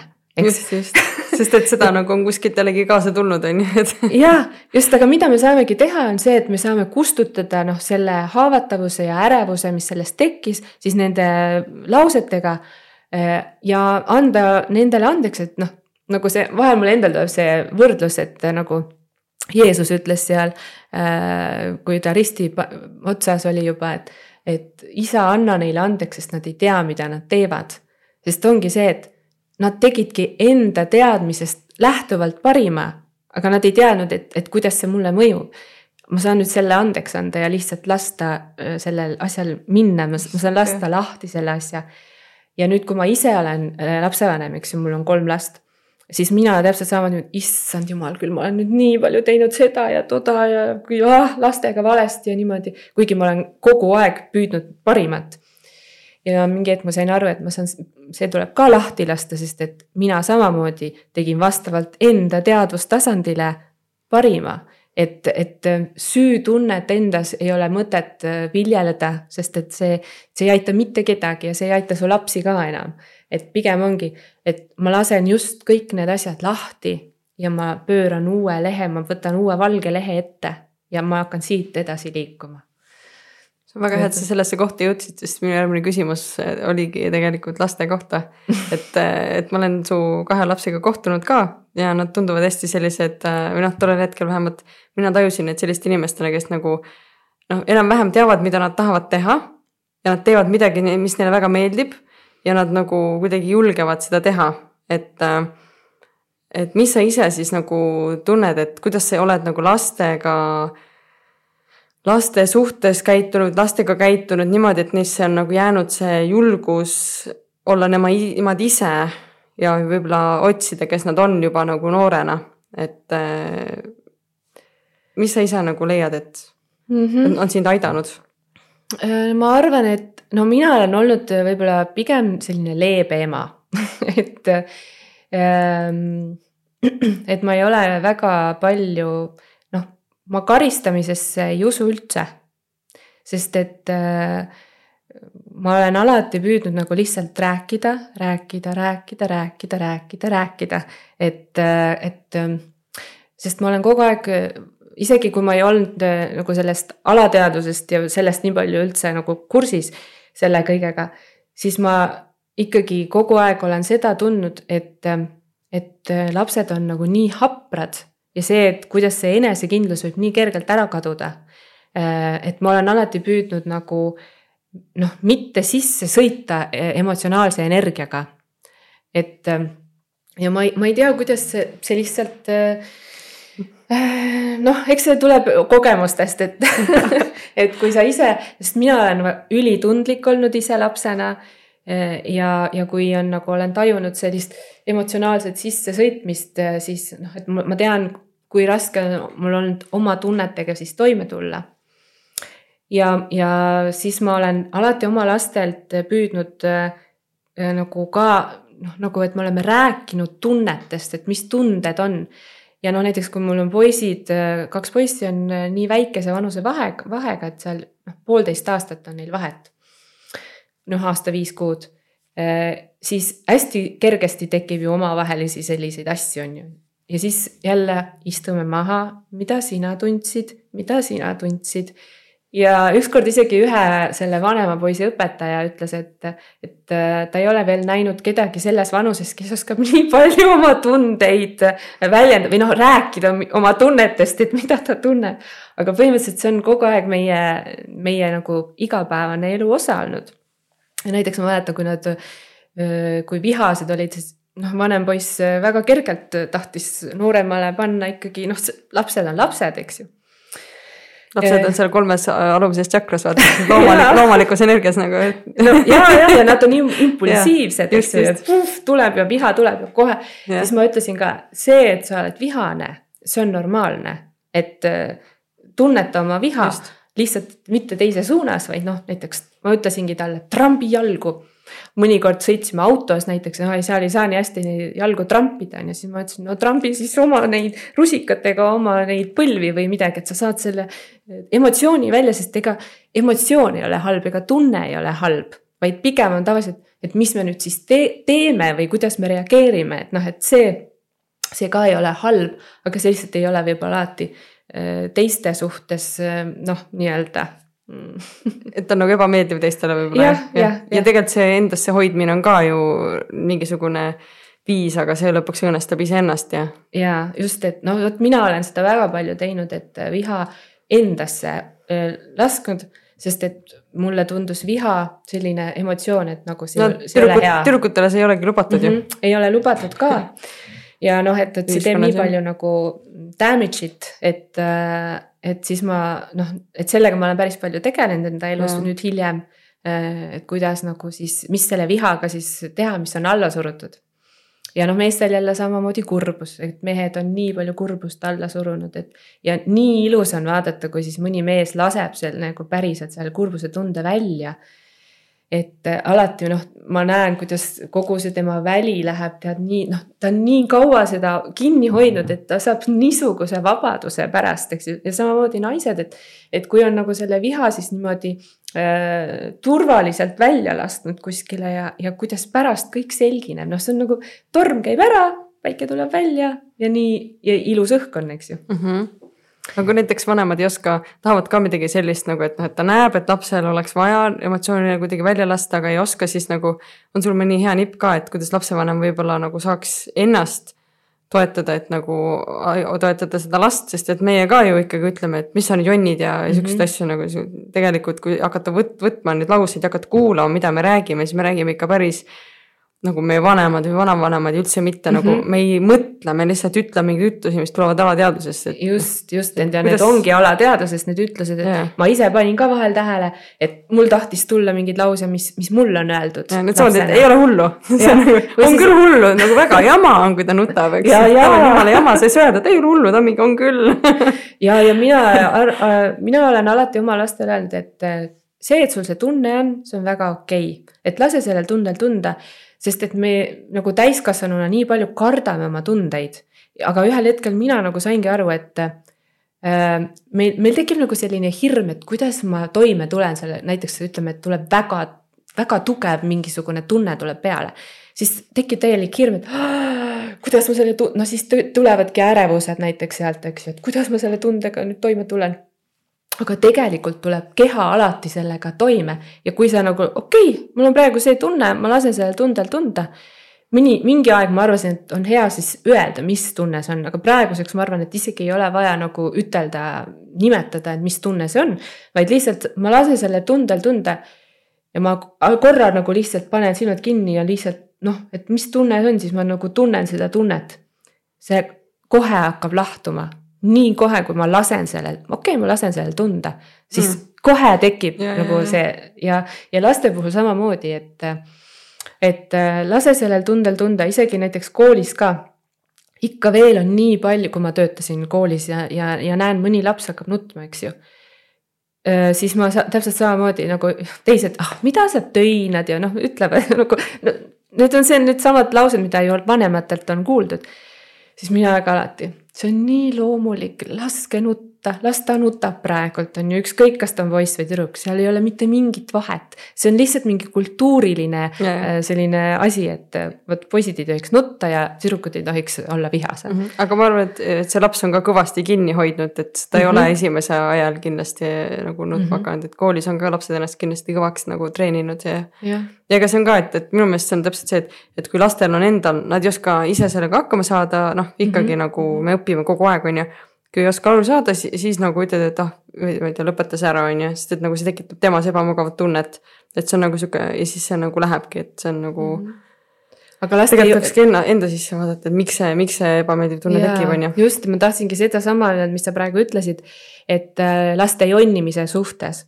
et tavaliselt on niimoodi, et ega lapsel pole probleemi sellega, et ta jonnib ju, selle, selle ainult täiskasvanul on probleemi sellega ja, ja ma mäletan, kui mul oli tütar, no kuskil no kolmeaastane ta oli, me käisime, äh, me olime Kristiine keskuses äh, Tallinnas.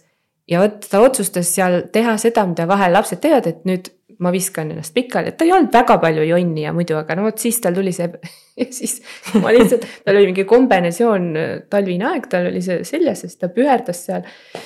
ja siis üks vanem meesterahvas tuli, et kas te lasetegi niimoodi oma lapsel teha siis ma vaatasin talle rahulikult otsa ja ütlesin, jaa, ma lasengi tal niimoodi teha aga minu tütar nagu vaatas, hakkas vaatama, et mis siin toimub, mingi huvitav kõnelus tule-, on nagu ema ja mingi võõra mehe vahel.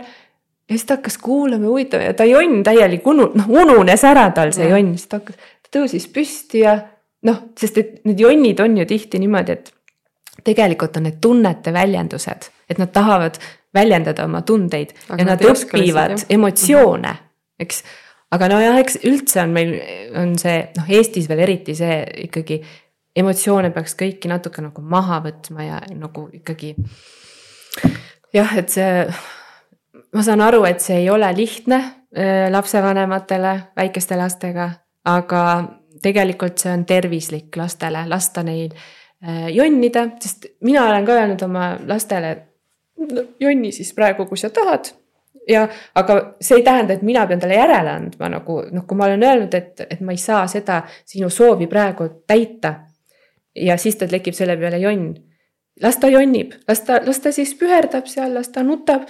aga noh, ma, ma olen ikkagi sinu poolt, ma armastan sind, aga lihtsalt seda ma ei saa, praegu noh ja räägid ja seletad. ja ma mäletan, kui üks sõbranna ükskord ütles, no mida sa räägid, et see ei too ju mingeid tulemusi no et kaua sa räägid siis?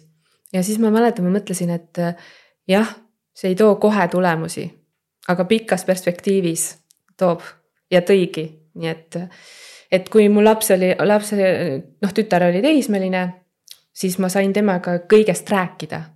ja see ongi see, et kui sa juba maast madalast hästi palju oma lastega räägid, siis sa saad terve elu nendega rääkida mm. -hmm ja, ja, ja minu meelest see on ka jumala hea point, sa tõid välja täpselt, ma ise olen ka märganud, et ja usun seda, et lapsed ju väljendavad kuidagi oma emotsiooni, eks ju, et, et kui, kui sa oled täiskasvanu, siis sa oskad öelda mingeid asju, tihti tegelikult, tegelikult me ei oska, sest et meil ei ole lastud väiksena nutta, ehk et me ei ole saanud õppida oma emotsioone ja siis me nagu ei oska ka tegelikult rääkida, et, et see ongi minu meelest noh, see on ju loogiline, et kui laps ei oska rääkida, siis ta nutab nagu või ta -hmm, vigiseb mm -hmm. või ta mhm. uriseb või ta teeb midagi sihukest, sest et tahab nagu midagi noh, et nagu see punkt jõuaks kohale, on ju, see Just. info jõuaks kohale, aga ja meie jaoks on see nagu, et miks sa nagu mingi, ma ei tea, tõmbled või elad nagu metsaline on ju. no sest temal ei ole veel neid sõnu mis meil on, eks ju, ta ei oska Just. veel ja ta ei oska veel kontekste niimoodi panna ja, ja luua nagu täiskasvanu juba oskab. ja siis tema kasutab lihtsalt neid väljendusvahendeid, mis tal mm -hmm. on. et tuleks hästi palju aru saada, et ta on nagu väike laps, nagu yeah. päriselt nagu ta ongi väike laps ja ta ei mm -hmm. oskagi veel mm, -hmm. ta ei oska oma emotsioone reguleerida, ta ei oska isegi mõndasid sõnu, mida ta tahaks öelda, on ju mm. -hmm. ta ei saa üldse aru, mis surin see tema sees on, on ju -hmm. et noh mm -hmm. ja et nad, neil ei ole veel nagu väljendusvahendeid, aga nad on väga targad ja tundlikud ja nad on noh käsnad, et, et kõik, mis käsud ja keelud neile öeldakse, need jäävad väga sügavale tegelikult sisse. noh, me ju oma pealt, enda pealt ju näeme seda tegelikult. Kuidas sa seda tajunud oled, et lapsed on ikkagi peeglid lapsevanematele? Otseselt. Et äh, no tegelikult ütleme nii, et kuni seitsmeaastaseni on, äh, on kõik, mis iganes lapsega toimub, äh, on tegelikult vanemate teemad. et kui on mingid, kas need on haigused või need on mingid psühholoogilised teemad siis alati tegelikult lapsed, nad oma olemuses, nad lihtsalt armastavad oma vanemaid nii tingimusteta ja nad nagu nii kergekäeliselt tõttavad nendele appi. ja, ja siis noh, ei saagi aru, ema ka ei saa aru, issand, miks mu lapsel on mingi selline asi, aga laps ju ei oska ka rääkida, sest see kõik käib energeetiliselt. aga, aga ma olen äh, seda ikkagi teraapiatöödes väga palju näinud et kui keegi räägib, et no mul on siin ja no enda lastega ka, ma sain aru, et kui mingi haigus oli, siis äh, tavaliselt oli minul endal mingi shift'i koht või mingisugune, kus ma äh, jah, ma nagu noh, tõesti muutsin mingisuguseid tajusid või mingisuguseid uskumusi väga drastiliselt. ja lapsed reageerisid, noh, kuna energeetiline muutus oli nii suur ja nemad on nii tundlikud selle koha pealt, alati tekkis mingisugune haigus või midagi sellist, et, et äh, äh, ja noh nad ju ütlevad isegi neid samu lauseid, et ma olen lastega ka päris palju tegelenud, võõraste lastega, on ju. ja sa kuuled tegelikult lapse äh, sõnavarast, sa kuuled ära, mis kodus, milline sõnavara kodus on. Ja millist tüüpi näiteks on kohe näha mõned lapsed, kelle, keda kasvatavad vanemad inimesed ja noh, näiteks võib-olla vanaema, vanaisa. Ja siis nad ongi nagu väikesed vanad inimesed, nende kõnekasutus on selline, et äh, näiteks kui ühe lapse käest ma küsisin ükskord, et noh, et äh, kuidas sul läheb, siis ta ütleb, ei saa kurta. Noh, ma sain aru, et, et noh, see on vaata, ta on õppinud ära, et niimoodi noh, vastatakse ei saa kurta, nii armas see on väga armas, et oh, lapsed on tõesti, nad on tõesti nii, nad on veel nii puhtad ja mina usun täiesti, täiesti selgelt sellesse, kui me sünnime, me oleme kõik täiesti puhtad. aga me siis aja jooksul õpime, et kui mõne, mõne kohta öeldakse, et ta on lihtsalt puhas kurjus ise, et tegelikult äh, ma arvan, et sellist asja ei ole olemas. et ta lihtsalt on nii palju haiget saanud ja, ja ta, ta, see on tema viis siis kuidagi toime tulla endaga. just, tema ellujäämismehhanism on ju. Mhm aga siin tegelikult selles podcast'is ongi väga huvitav olnud see, et me oleme rääkinud alateadvusest, sellest, et kõik see, mis meid mõjutab, tulebki nagu seal esimesest noh, ma ei tea, mis sa ütleksid, viis või seitse eluaastat? ma ütleksin jah, jah, viis kuni seitse, ütleme ütleme seitse siis ikkagi. jah, et seitse on niisugune hea, mis ongi see nagu esimene niisugune elutsükkel mm -hmm. või kuidas need on seitsmeaastased tsüklid on ju et äh, ja siis, ja siis me rääkisime ka sellest, et kuidas siis nagu võib-olla lapsevanematena neid asju märgata ja ennast natukene nagu juhtida, et ja me oleme suht pinnapealselt tegelikult neid asju isegi nagu nii-öelda puudutanud, aga me oleme päris kenasti tegelikult seda teinud, et, et on mingisugused mõtte nii-öelda algmed siit tekkinud mm. ja me oleme päris juba pikalt rääkinud, et, et äh, on sul mingeid häid äh, mõtteid veel, mis sa kindlasti tahaksid praegu nendele teemadele jagada või lähme nende viimaste kolme küsimuse juurde? Äh, ja ma tunnen, et et äh, mis on vaja olnud öelda, et see on ära öeldud et äh, ma ütlen, see, need teemad on sellised, ma võiks vabalt kümme tundi rääkida nendest, et äh, noh, et praegu pigem ongi, ma tunnen ise, et sai natukene nii näpuotsaga puudutatud, eks ju, kõike. et noh, see, see, mis on minu jaoks elus oluline, et muusika ja inimese psühholoogia ja kuidas me kujuneme ja, ja kuidas me saame siis alateadvust äh, korrastada ja puhastada. ja et selleks on nii head tööriistad olemas tegelikult. Et seesama, et kui ma näiteks noh, millega me ikkagi väga paljud äh, tege-, te-, noh, millega meil ikka tegemist on, on seesama äh, küllus, et kuidas ma saan oma ellu noh, piisavalt küllust tuua ja ka, ja ka noh, täiesti igapäevane toimetulek, eks ju ma poliitikasse üldse ei taha laskuda, aga lihtsalt, et praegu on inimestel keerulisem aeg.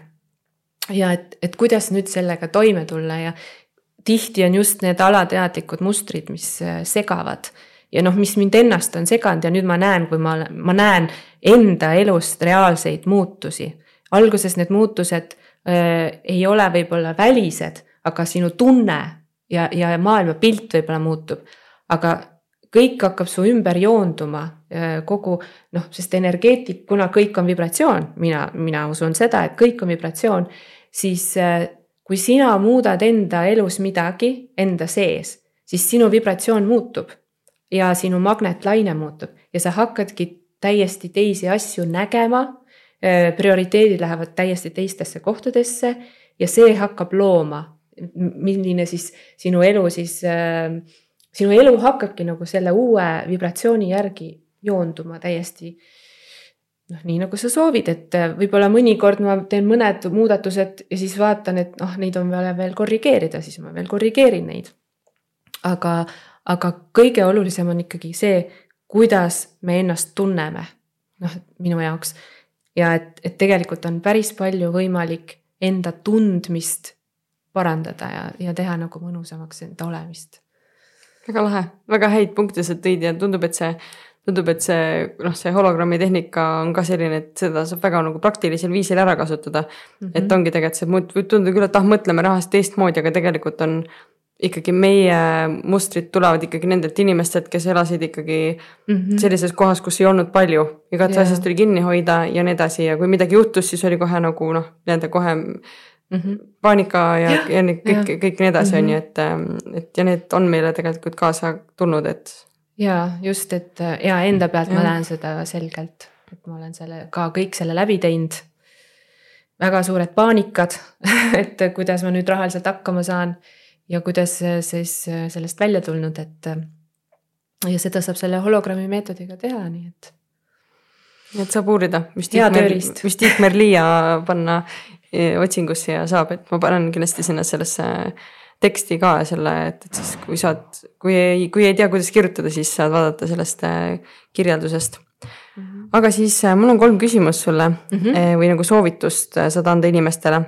et eh, mis on, mis sa soovitaksid, Merlia, et mis on üks küsimus, mida on inimestel kasulik endalt aeg-ajalt küsida? mida nad võiksid endalt küsida aeg-ajalt?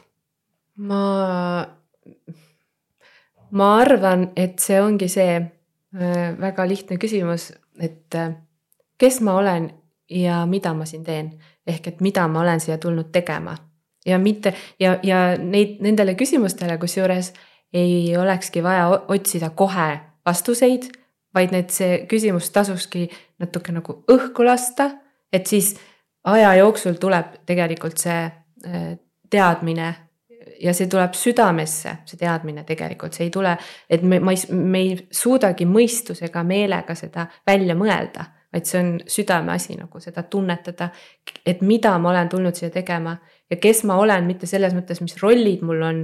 et äh, kas ma olen naine, kas ma olen mees, kas ma teen, millist tööd ma teen või midagi, vaid hästi nagu laialt, kes ma olen. et see avab hästi palju nii-öelda dimensioone enda jaoks. igas, igas, iga, no palju tasandeid mm. -hmm. just, et ei tohigi kohe nagu hakata kirjutama, kes ma olen ja siis panen tüt-tüt-tüt-tüt mm, -hmm. vaid lasedki mm. -hmm. õhku ja siis Jaa. see tuleb sealt vaikselt kukub alla. Jaa. väga hea, mul on sihuke huvitav küsimus, mis ma ei tea, kas, kas see läheb sinuga kokku või mitte, aga mis on üks järv Saaremaal, kus on mõnus igal aastaajal ujuda?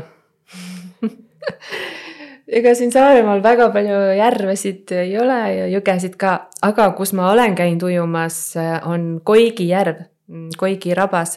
ja see on selles mõttes mõnus, et no ma talvel ikkagi, ma ei ole selline talisupleja, ma päris pole. aga seal Koigi rabas ma olen käinud küll, eriti kui suvel noh, need mered lähevad seda vetikat täis, et siis me ikkagi, kuna me sealkandis elame, siis me ikkagi aeg-ajalt seal käime ja pärast on nahk nii mõnus siidine ja juuksed on nagu hästi mõnusad. kui sa sealt Rabajärvest ikkagi välja tuled, et alguses on küll nagu seda asja natukene on peal nahal, aga siis pühid ära ja nagu oleks kreemitatud väga mõnus, kus kohas see on seal, kui mööda rada lähed, siis mööda nagu rada lähed jah, ja siis peale seda torni natukene lähed mööda seda laudteed edasi ja siis seal on ja seal on väga ilusti tehtud selline nagu platvorm, kus sa saad sinna hüpata mm. -hmm. ja, ja noh, üks, üks kasekene on, mille najal siis inimesed alati välja tulevad ilmselt aga jah, need küsimused on, on siuksed, et ma lihtsalt tunnetan nad ja, see tundus nii lamp nagu, aga mm -hmm. ma ei teadnud, aga nagu tundub, et siis on väga hea, väga hea soovitus tegelikult sest Saaremaal tõesti ei ole väga palju järvesid mm. Mhm. -hmm. nii, ja siis üks koht, kus saab Saaremaal muusikat teha.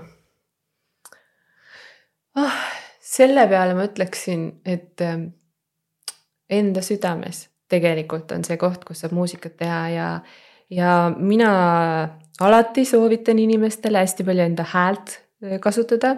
ma tegelikult olen ise teinud isegi sellist äh, häälimisringi, nüüd on juba teine grupp läbi Zoom'i ja see on täiesti noh, täiesti teistmoodi, et me ei laula seal otseselt, vaid me häälimegi noh, et mida kõike saab oma häälega teha ja kuidas ennast häälega saab väljendada. ja kuidas nagu no me näiteks häälime seal oma perekonnaliine ja, ja oma siseelundeid ja selliseid asju, noh, see on, see on täitsa teistmoodi. ja see on muidugi väga teraapilise suunitlusega, aga enda hääle tekitamine on igale ühele kättesaadav. lihtsalt lähed vannituppa ja hakkad vaikselt ümisema, eriti ma soovitan oma emotsioone häälida. et kui oled vihane, siis teedki lihtsalt mingi ja nii palju paremaks läheb tunne või oled kurb, siis teed.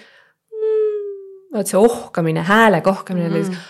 Ah, see on nii vabastav, et lihtsalt, lihtsalt teha seda ja proovida. et ähm, ma arvan, et ma ei, ma ei ütlekski ühte mingit sellist konkreetset kohta Saaremaal. et äh, oma kodus oma kodus Saaremaal et, äh, et ma arvan, et see on äh, kõige parem viis jah, et. okei okay,, see on väga hea, et see instrument on meiega alati kaasas ja ja, ja kui ennast usaldada, siis on nagu laululehed ka olemas ja. ja, ja ta, see on täiesti enesetervendamise vahend, et ma ei tea, kui kiiresti on aega, ma veel räägin ühe loo. et kui ma nüüd oma kolmandat last sünnitasin siin Kuressaares Äh, siin ei anta ju neid, noh, see oli kergem sünnitus ka, et esimese kahe lapsega ma olin saanud seda naerugaasi Tallinnas. aga siin oli nagu kõik läks normaalselt ja ei antud mitte midagi. Aga see lõpufaas läks nii kiiresti, noh, poole tunniga läks nagu avanes kahe sentimeetri pealt kümne sentimeetri peale. Ja see oli ikkagi päris intensiivne. Ja siis ainukene, mis ma oskasin teha, siis ma hakkasin laulma. Ja ma tegin sellist nagu noh, natuke sihukest noh, väga valjut ooperihäält niimoodi lihtsalt niimoodi nagu ja see nii hästi vaigistas valu. see lihtsalt, see oli nagu ja nii kui ma lõpetasin, ei, ma ei saa, ja siis jälle laulsin edasi ja, ja, ja vot sel hetkel ju kadusid kõik need ära, mis keegi minust ju arvab, on ju, sa ei jõua seal mõelda lihtsalt sellel hetkel. ja siis see oli nii vabastav, et mm, see vaigistab valu, oma hääl, et, et see oli mul nagu väga hea mm -hmm, kogemus mm. -hmm ja et oma hääl on ikka super vahend wow,. enesetervendamiseks see on väga hea soovitus. ja nüüd äh, meie kõige viimane küsimus, et mis on sinu meelest äh, Merliia saare maagia hmm.? ma arvan, et äh, see Saaremaa ise ja ma ütleksin loodus. et kuigi siin on ju kõik nii tasane maa, aga siin on mingi oma selline mingi vibratsioon esiteks juba see, et see vesi on kõik ümber, eh, ta hoiab nagu energeetiliselt eh, puhtana, et siin on, siin on mingis mõttes palju kergem olla. ja mul on tunne, et ka Kaali järves on mingi selline äh, oluline, mingi selline väli, mingi magnetväli, mis äh, tekitab siin mingit sellist sagedust äh,. et ta tõmbab siia väga palju inimesi, kes tahavad vaimsusega näiteks tegeleda et, et ja see noh, ma arvan, et midagi siin on äh, ener-, no mina olen jälle energeetika fänn, eks ju, et midagi siin on, et siin ju kasvab nii palju selliseid taimi, äh, mis mujal nii kergesti ei kasva või noh, ütleme mandris, Mandri-Eestis. ja, ja noh, linnud näiteks, ma ise elan väga raba lähedal, me käime jalutamas väga tihti täitsa soo, noh ikkagi täitsa soo ääres niimoodi, et me näeme täitsa seda lau-, lauka maastikku. ja iga aasta need äh, kevadel ja sügisel need lindude suured hordid, seda on nii põnev jälgida. nii et ma ütleks jah, loodus. väga lahe ah,. üks asi veel, äh, mul on sulle üks väike kingitus ka oh.. et meil on äh, Saare Maagia podcast'il on niisugune sponsor nagu New Nordic ja see on Rootsi bänd ja siis äh, Nad on ka siuksed äh, looduslikud tooted, et siin on sulle niisutav ja pinguldav silmakreem ja ta on oh. nii laheda nimega ka nagu Amazing Eye Cream. ehk et siin on oh,. Amazing just, et siin ongi hüaluroonhappeid ja ravimtaimi ja aitab pingu-, siluda ja pingultada silma ümbrusnahka. ja aga siin on veel lisaks, et äh, on hea kasutada veel äh, kollageentablette, aga näed, siin on sulle sihuke ilus kollane väike karbikene meie New Nordicu poolt. super, aitäh ja nii ilus puu on siin logol väga ilus puu mm. -hmm. ma olen puude fänn ka. aa, no näed, õige asi siis aitäh aga aitäh sulle hästi,, hästi-hästi mõnus vestlus on ja see aeg on lennanud lihtsalt nii kiiresti ja kindlasti häid mm. mõtteid, mida veel edasi arendada, et siin on nii-öelda sauna, saunaõhtuteks jutuvestlusi küll ja küll, et suvi on ees ja ja, ja koos musitseerimist näiteks. jah, just, nii et aitäh sulle. aitäh, aitäh kutsumast